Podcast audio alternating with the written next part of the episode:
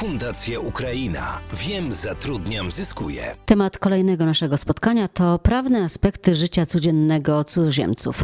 O wykroczenie czy złamanie prawa nie trudno, zwłaszcza kiedy nie zna się przepisów obowiązujących w nowym miejscu. Popełniają bardzo często nieświadomie drobne wykroczenia. Grzegorz Muchorowski, Straż Miejska Wrocławia. Palenie na przystanku to jest dla osób, które są krótko w Polsce, coś zupełnie nowego, bo w ich kraju być może to nie stanowi wykroczenia. Spożywanie alkoholu w miejscach, gdzie tego nie można robić. Tak poza tym, to cudzoziemcy funkcjonują dość podobnie jak my, popełniają podobne wykroczenia i mają podobne problemy. Mamy, no nie powiem, że bardzo często, ale zdarzają się nam na, takie interwencje, które dotyczą osób, które nie segregują odpadów albo są przepełnione kubły i Kolejna kwestia, e, cudzoziemcy, którzy nie mają przy sobie dokumentów. Cudzoziemiec w Polsce powinien mieć dokumenty poświadczające przy sobie prawo do pobytu na terenie Polski i to pewnie to rodzi też pewne problemy. Wydaje mi się, że ważne, żeby wybrzmiało jednak po pierwsze to, że wszystkie osoby przebywające w Polsce obowiązuje dokładnie to samo prawo. Maciej Stasierski, prawnik zajmujący się prawem cudzoziemców. Cudzoziemcy też e, muszą jakby się zastosowywać do tego, jakie prawo w Polsce funkcjonuje. Trzeba mieć e, w Polsce prawo jazdy międzynarodowe. Wystarczy mieć prawo jazdy obowiązujące w kraju pochodzenia. Co w sytuacji, kiedy dochodzi do przemocy w rodzinie? Zakłada się na policji niebieską kartę. Czy to samo mogą zrobić cudzoziemcy? Prawo przewiduje ochronę osoby, nie narodowości, nie obywatelstwa. Jeżeli dochodzi do przemocy w rodzinie, mają tu stały meldunek, stały pobyt i jak najbardziej wszystkie te procedury, które dotyczą Polaków, czyli przepraszam, obywateli polskich, może w ten sposób, dotyczą także przebywających tu legalnie cudzoziemców. To przejdźmy jeszcze do poważniejszych e, spraw, kiedy dochodzi do aresztowania, do poważnych zarzutów. Co wtedy? sytuacja cudzoziemców w zakresie takich podstawowych rzeczy nie różni się od sytuacji Polaków. Czyli... Ale na przykład odpowiadają mhm. karnie tutaj, mhm. czy też na przykład w swoim kraju? Odpowiadają karnie tutaj. W mojej praktyce oczywiście najwięcej spraw, e, problemów związanych z pobytem cudzoziemców wynika z ich legalnego lub nielegalnego pobytu, legalnej lub nielegalnie wykonywanej pracy. Jeżeli w trakcie interwencji mamy wątpliwości co do legalności pobytu danej osoby, oczywiście informujemy Straż Graniczną. Straż Graniczna i inne organy, czyli policja, Agencja Bezpieczeństwa Wewnętrznego to są te podstawowe instytucje, które kontrolują legalność pracy i pobytu cudzoziemców oraz Państwowa Inspekcja Pracy, która wydaje mi się, że jest jednym ze sprzymierzeńców jednak cudzoziemców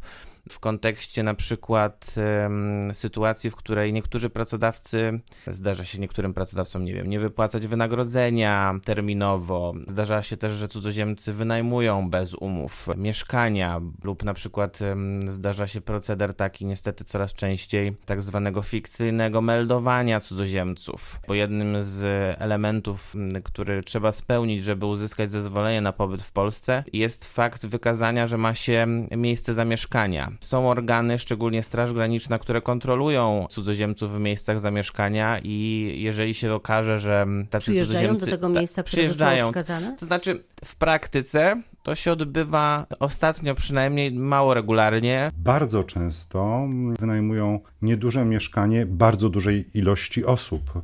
Zdarzyło nam się 30 parę osób w mieszkaniu 50 chyba dwumetrowym. I, I co wtedy możecie zrobić? I oni tam faktycznie przebywali, to znaczy spali na, na zmianę. My nie, niewiele z tym możemy zrobić, bo, na, bo oni tam przebywali na zasadzie umowy. My mamy kłopot z tym, że oni produkują nadwyżkę odpadów. Tam praktycznie łazienka funkcjonuje non-stop. Ci ludzie śpią na zmianę, to jest taka, tak, takie miejsce do, do spania. I takich miejsc trochę we Wrocławiu jest. Ja już pomijam to, że jest to niekomfortowe, no tak, to ale to też e, rola pracodawców, chyba, bo ci ludzie gdzieś pracują, zapewnienie im e, jakichś godnych warunków po prostu. Czy pracodawca po prostu się tym nie interesuje i mówi sobie znajdźcie mieszkanie? Oczywiście zależy od, zależy od pracodawcy, bo są pracodawcy, którzy utrzymują bardzo wysokie standardy, zatrudniają różnego rodzaju firmy, które zajmują się relokacją cudzoziemców, taką pełną relokacją, z poszukiwaniem właśnie miejsca zamieszkania, ale to są zwykle jednak bardzo duże firmy, które też zatrudniają cudzoziemców cudzoziemców bardzo wykwalifikowanych na stanowiskach, w których wynagrodzenia są też bardzo wysokie. Na drugim biegunie są pracodawcy, którzy zatrudniają cudzoziemców na przykład do prac fizycznych no i oni nie zawsze, powiedzmy, się interesują losem swoich pracowników, więc to jest jakby mój apel ogólny do pracodawców, żeby z większym zaangażowaniem podchodzili do zatrudniania cudzoziemców, bo... Jeśli chcą mieć dobrych pracowników, Oczywiście. wyspanych na przykład, wypoczętych i nie wchodzących w konflikt, bo w takim mieszkaniu, gdzie mieszka 50 osób, o konflikt nie trudno. Ja jeszcze tylko dodam, że znaczy ci ludzie nie są zainteresowani w tym, żeby wynająć drogo mieszkanie. Oni tu Oczywiście. przyjeżdżają na określony czas. Celem jest e, zarobienie jak największej kwoty i powrót do domu z, z tymi, pieniędzmi. środkami, z tymi Mhm. pieniędzmi. W związku z tym starają się wynająć jak najtańsze mieszkanie. No i są w stanie mm, się poświęcić przez te pół roku po prostu. Godzić się tru- na złe tak, warunki. Tak, na bardzo złe warunki. Dlatego dobrze, że funkcjonują takie instytucje jak właśnie Fundacja Ukraina, która też e, pokazuje mm, migrantom, że w sytuacjach, nie wiem, różnego rodzaju zagrożeń ym, są instytucje, do których można się zgłaszać. Dla przykładu, ostatnio w, naszej, w mojej praktyce w kancelarii zajmowaliśmy się sprawą pani, która została zwyzywana w pociągu ze względu na swoje pochodzenie i ta sprawa zakończyła się względnie pozytywnie, to znaczy e, sąd em, postanowił, że sprawcy zostaną ukarani. Oczywiście pomocy można szukać e, w fundacjach, organizacjach pozarządowych e, czy samorządowych. Między innymi o tym, co robi Fundacja Ukraina, opowie Sofia Bojanowa. Najpewniejszym miejscem, gdzie należy szukać informacji o różnych takich kwestiach prawnych, to różne instytucje, czy to Urząd Pracy, czy Straż Miejska, czy Policja. Bardzo często cudzoziemcy, którzy przychodzą do nas do fundacji, boją się tej policji czy Straży Miejskiej, bo mają pewne przeświadczenie z własnego kraju. My jako fundacja prowadzimy takie szkolenia. Co miesiąc prowadzimy szkolenia różne, prawne, bezpłatne oczywiście. Dodatkowo też szkolimy studentów. Przed początkiem roku szkolnego zapraszamy naszych ekspertów na uczelnię, gdzie prowadzimy cykl spotkań integracyjnych, opowiadamy o kwestiach po przyjeździe, co jest dla nich ważne. Właśnie to jest kwestia zmiany mentalności, że do strażnika miejskiego można się zgłosić po pomoc, po a nie pomoc. Właśnie uciekać przed chciałem- nim. My mamy problem z migrantami, zwłaszcza ze wschodu. Jeżeli przyjeżdża ktoś, jest Niemiec, Anglik, Norweg, on po prostu idzie do policji, bo ma tam interes do załatwienia i żąda, nie prosi. Policji się nie prosi, czy Straży Miejskiej się nie prosi. Żąda się od niej pomocy. Natomiast e, zaufanie do instytucji państwa cudzoziemców e, ze wschodu jest zupełnie inne. Oni wolą nie mieć z tym kontaktu, załatwić to między sobą. Mieliśmy taki przykład dziewczyny, która przyszła do nas dlatego, że dostała decyzję nakazującą opuszczenie terytorium kraju sądząc, że po prostu zostanie wydalona. Okazało się, i to nas, e, też nasz oskarżyciel publiczny zauważył, że ona ma prawo żądać przywrócenia terminu.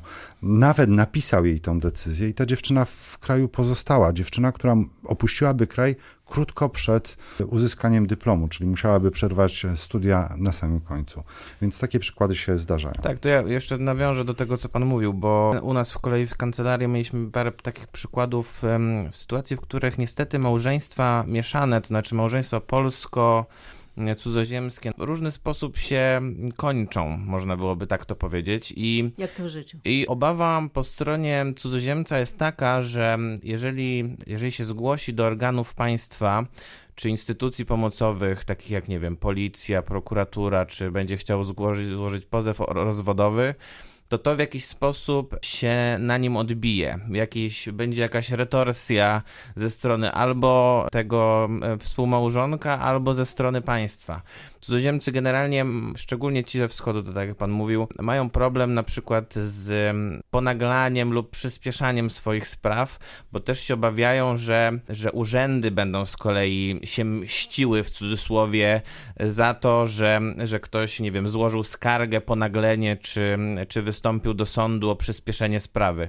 A tymczasem mają prawo przestrzegania ustawowych terminów. Oczywiście, bo KPA czy ustawa o postępowaniach przed sądami administracyjnymi administracyjnymi mówi o tym, że w przypadku, kiedy sprawy e, na przykład pobytowe czy legalizujące pracę się toczą za długo, można takie sprawy przyspieszać poprzez ponaglenie, składanie skarg sądowych i to są prawa, które nie tylko obowiązują Polaków, obowiązują też cudzoziemców. Audycja została zrealizowana w ramach projektu Integracja, Adaptacja, Akceptacja. Wsparcie obywateli państw trzecich zamieszkałych na Dolnym Śląsku, współfinansowanego z Programu Krajowego Azylu, Migracji i Integracji oraz budżetu państwa. Bezpieczna przystań, wyłączna odpowiedzialność za wyrażone opinie spoczywa na autorze i Komisja Europejska oraz Ministerstwo Spraw Wewnętrznych i Administracji nie ponoszą odpowiedzialności za sposób wykorzystania udostępnionych informacji.